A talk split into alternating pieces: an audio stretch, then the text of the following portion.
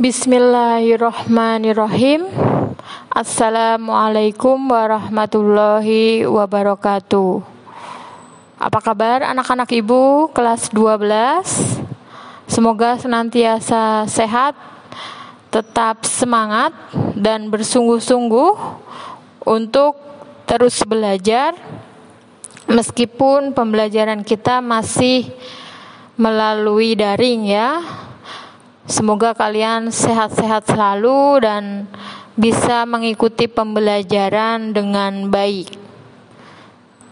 Baik, sebelum kita memasuki pembelajaran pada pertemuan ketujuh hari ini, kita membaca basmalah terlebih dahulu. Bismillahirrahmanirrahim. Semoga dengan awalan basmalah menjadikan apa yang kita pelajari hari ini bermanfaat dan kita diberikan kemudahan untuk menerima ilmu yang disampaikan pada pertemuan kali ini. Amin. Oke, sebelum memasuki materi yang akan kita bahas pada pertemuan kali ini, yaitu tentang inisiator pemberdayaan komunitas, kita mengulang kembali ya sedikit yang kita pelajari pada pertemuan sebelumnya, yaitu tentang fungsi kearifan lokal di mana kemarin kita sudah mempelajari ada beberapa fungsi kearifan lokal. Yang pertama yaitu sebagai konservasi dan pelestarian sumber daya alam. Yang kedua sebagai pengembangan sumber daya manusia. Yang ketiga sebagai pengembangan kebudayaan dan ilmu pengetahuan. Yang keempat sebagai petuah, kepercayaan dan pantangan dan yang kelima sebagai integritas ya atau pemer satu. Itu sedikit yang kita ingat mengenai pembelajaran sebelumnya memanfaatkan waktu yang ada, mari kita mulai pembelajaran kali ini tentang inisiator pemberdayaan komunitas. Silahkan disiapkan buku LKS-nya pada halaman 87. Ya, silahkan disiapkan dulu buku LKS-nya pada halaman 87 silahkan dibuka. Baik, yang pertama berkaitan dengan inisiator pemberdayaan komunitas ya. Jadi inisiator adalah pemrakarsa ya atau pihak yang eh, disebut sebagai inisiator pemberdayaan komunitas. Jadi pihak-pihak yang berkaitan atau pihak-pihak yang terikat ya berkaitan dengan pemberdayaan komunitas. Siapa saja? Ada tiga. Yang pertama pemerintah, kemudian pihak swasta dan masyarakat itu sendiri ya. Jadi berkaitan dengan pemberdayaan komunitas tidak terlepas dari masyarakat itu sendiri. Yang pertama yang akan kita bahas adalah pemerintah. Pemerintah memiliki peran penting dalam melakukan pemberdayaan masyarakat karena bertanggung jawab atas nasib masa depan dan kesejahteraan rakyatnya yaitu masyarakat punya eh, tanggung jawab besar ya untuk tetap menjamin kesejahteraan masyarakat. Di sini pemerintah memberikan stimulan ya kepada masyarakat melalui berbagai macam program pembangunan Pemerintah menjalankan kegiatan pemberdayaan melalui badan-badan pemerintahan, baik pemerintah pusat maupun pemerintah daerah. Misalnya ada Kementerian Tenaga Kerja, Kementerian Sosial atau Badan Pemberdayaan Masyarakat dan Pemerintahan Desa. Yang bisa biasa kita dengar ada BPMPD. Jadi melalui instansi-instansi tersebut program pemberdayaan itu dilaksanakan ya. Misalnya ada Program Nasional Pemberdayaan Masyarakat atau yang biasa kita kenal dengan PN PM Mandiri.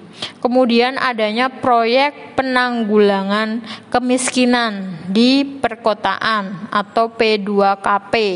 Kemudian ada program Kartu Indonesia Sehat ya yang biasa kita kenal dengan BPJS seperti itu. Kemudian ada kartu Indonesia Pintar ya yang Ibu rasa di antara kalian ada yang mendapatkannya. Kemudian ada kartu keluarga sehat. Kemudian ada kredit usaha rakyat dan yang lainnya. Jadi beberapa program yang memang disediakan oleh pemerintah yang tujuannya untuk tetap menjamin ya keberlangsungan dan kesejahteraan dari rakyatnya. Perhatikan di buku LKS kalian ya. Di sana pemerintah peran dalam pemberdayaannya itu sebagai penetapan uh, kebijakan ya. Jadi pemerintah punya kewenangan untuk menetapkan kebijakan-kebijakan. Kemudian sebagai formulasi ya, kemudian implementasi, monitoring dan evaluasi. Jadi e, pemerintah punya peran atau kewenangan seperti itu. Kemudian yang dilakukan pemerintah ya tujuannya secara garis besar adalah untuk masyarakat ya tanpa pilih kasih ya secara umum untuk kesejahteraan masyarakat. Akan tetapi mungkin pada pelaksanaannya ada beberapa syarat-syarat tertentu ya yang harus dipenuhi. Ya, jadi e, tidak ada kesenjangan jadi ketika misalnya ada berbagai macam program bantuan di sana, ya bantuan diharapkan tepat sah saran. Jadi tidak ada yang merasa dirugikan ya. Jangan sampai e, masyarakat yang sudah mampu itu malah mendapatkan bantuan. Jadi diharapkan di sini ketika tujuan pemerintah adalah untuk kesejahteraan dari masyarakat itu sendiri akan tetapi tetap harus diperhatikan bahwa ada syarat-syarat yang memang harus dipenuhi ya. Jadi program-program pemerintah itu bisa tepat sah saran. Itu tentang peran dan pem, dalam pemberdayaan bagi pemerintah sebagai inisiator yang pertama. Selanjutnya ada pihak swasta ya. Pihak swasta di sini berarti di luar pemerintahan ya akan tetapi mempunyai kekuatan yang besar pula ya bagi e, pemberdayaan komunitas. Jadi pihak swasta di sini mempunyai peran dalam pemberdayaan itu sebagai kontributor ya pada formulasi implementasi monitoring dan evaluasi. Jadi eh, pihak swasta biasanya dilakukan oleh lembaga swasta seperti perusahaan dan lembaga swadaya masyarakat atau biasa yang kita kenal dengan LSM. Jadi eh, pihak swasta di sini biasanya dilakukan oleh pihak-pihak terkait seperti itu ya. Jadi pihak swasta mempunyai peran yang besar sebagai inisiator pelaksanaan pemberdayaan komunitas yang biasanya dilakukan oleh LSM karena LSM ini merupakan organisasi sosial yang dibangun secara perseorangan atau kelompok dan tidak berorientasi pada profit atau keuntungan ya. Jadi di sini LSM e, bisa berperan sebagai motor penggerak aksi-aksi pemberdayaan. Artinya LSM melakukan sosialisasi, arahan atau bimbingan dan mewujudkan program-program pemberdayaan kepada komunitas secara mandiri ya. Melalui peran LSM ini diharapkan kesejahteraan masyarakat bisa ditingkatkan dan terjadi pemerataan kesejahteraan masyarakat. Ya, jadi diharapkan di sini akan ada hubungan atau kerjasama yang baik ya antara pemerintah dengan swasta itu sendiri yang berkaitan dengan tujuan untuk kesejahteraan masyarakat. Jadi tidak ada uh, tujuan terselubung misalnya untuk mencari keuntungan tertentu.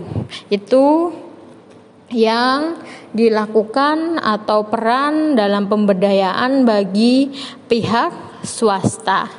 Kemudian inisiator pemberdayaan komunitas yang ketiga adalah masyarakat. Ya, masyarakat di sini dapat melakukan pemberdayaan komunitas yaitu bisa secara mandiri ya karena masyarakat lebih mengetahui akan kebutuhannya ya. Jadi e, di sini peran masyarakat adalah sebagai partisipator ya. Jadi mereka berpartisipasi dalam setiap kegiatan yang menjadi program dari pemerintah maupun pihak swasta ya. Jadi masyarakat adalah e, partisipannya dalam setiap kegiatan. E, partisipasi masyarakat di sini dalam pemberdayaan komunitas dapat dimulai dari keterlibatan pengambilan keputusan dan identifikasi masalah dan kebutuhan. Kemudian tentang perencanaan program, pelaksanaan program, evaluasi, serta menikmati hasil pemberdayaan. Ide-ide pelaksanaan pemberdayaan biasanya muncul dalam kegiatan-kegiatan masyarakat. Misalnya ada kegiatan PKK, kemudian ada Karang Taruna dan musyawarah desa. Ya, jadi di sini masyarakat yang lebih tahu akan kebutuhannya Biasanya pelaksanaan pemberdayaannya berkaitan dengan kegiatan-kegiatan keseharian yang memang dilakukan ya. Kemudian masyarakat ikut berkecimpung di dalamnya berkaitan dengan kegiatan-kegiatan yang mendukung ya berkaitan kegiatan dari pemerintah maupun pihak swasta. Baik, itulah yang kita pelajari pada pertemuan kali ini berkaitan dengan inisiator pemberdayaan komunitas ya ada tiga yaitu pemerintah, pihak swasta dan masyarakat. Diharapkan dari ketiga komponen ini ya bisa e, melakukan suatu kerjasama yang bagus ya kerjasama yang memang e, tidak menguntungkan sebelah pihak ya. Jadi memang arahnya untuk kesejahteraan masyarakat secara umum ya sehingga diperlukan beberapa cara dalam pelaksanaan pemberdayaan komunitas seperti mempertimbangkan potensi dari masyarakat itu sendiri, kemudian diberikan pendampingan secara berkelompok memberikan pelatihan-pelatihan khusus kemudian berkaitan dengan pemberdayaan komunitas itu mengangkat kearifan lokal serta memberikan bantuan sarana dan prasarana dan melaksanakan pemberdayaan secara bertahap ya. Jadi ketika ada kerjasama dari ketiga inisiator ini yang baik ya kemudian ada cara atau strategi pemberdayaan komunitas yang dilaksanakan dengan baik, diharapkan akan menghasilkan hasil yang sesuai, yaitu tentang kesejahteraan masyarakat. Jadi, diharapkan seluruh lapisan masyarakat itu bisa merasakan yang namanya hidup merdeka, hidup sejahtera. Itu yang kita pelajari pada pertemuan kali ini silahkan nanti dibaca kembali di buku LKS-nya ya tentang inisiator pemberdayaan komunitas.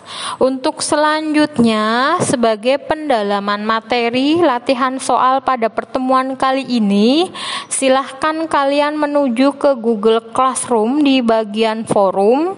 Di sana Ibu tampilkan latihan soal pada pertemuan kali ini.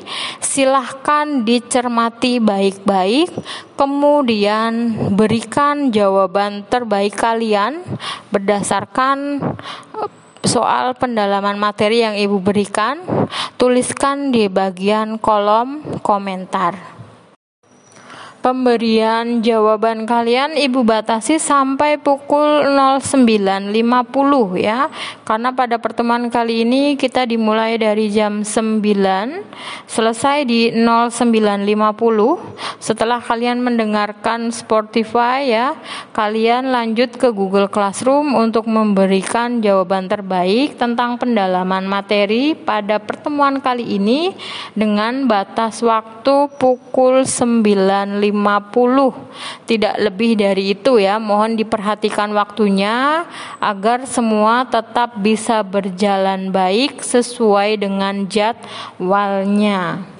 Baik, itu yang perlu Ibu sampaikan berkaitan dengan instruksi selanjutnya. Sebelumnya Ibu ucapkan terima kasih atas perhatian kalian. Kemudian mudah-mudahan apa yang kita pelajari pada pertemuan kali ini memberikan manfaat dan penambahan ilmu pengetahuan yang baru bagi kita semua. Tetap jaga kesehatan, tetap semangat, patuhi protokol kesehatan ya. Terima kasih. Ibu akhiri Sebelum ditutup kita baca Alhamdulillah bersama-sama. Alhamdulillahirrohmanirrohim Terima kasih atas perhatian kalian. Ibu akhiri Wassalamualaikum warahmatullahi wabarakatuh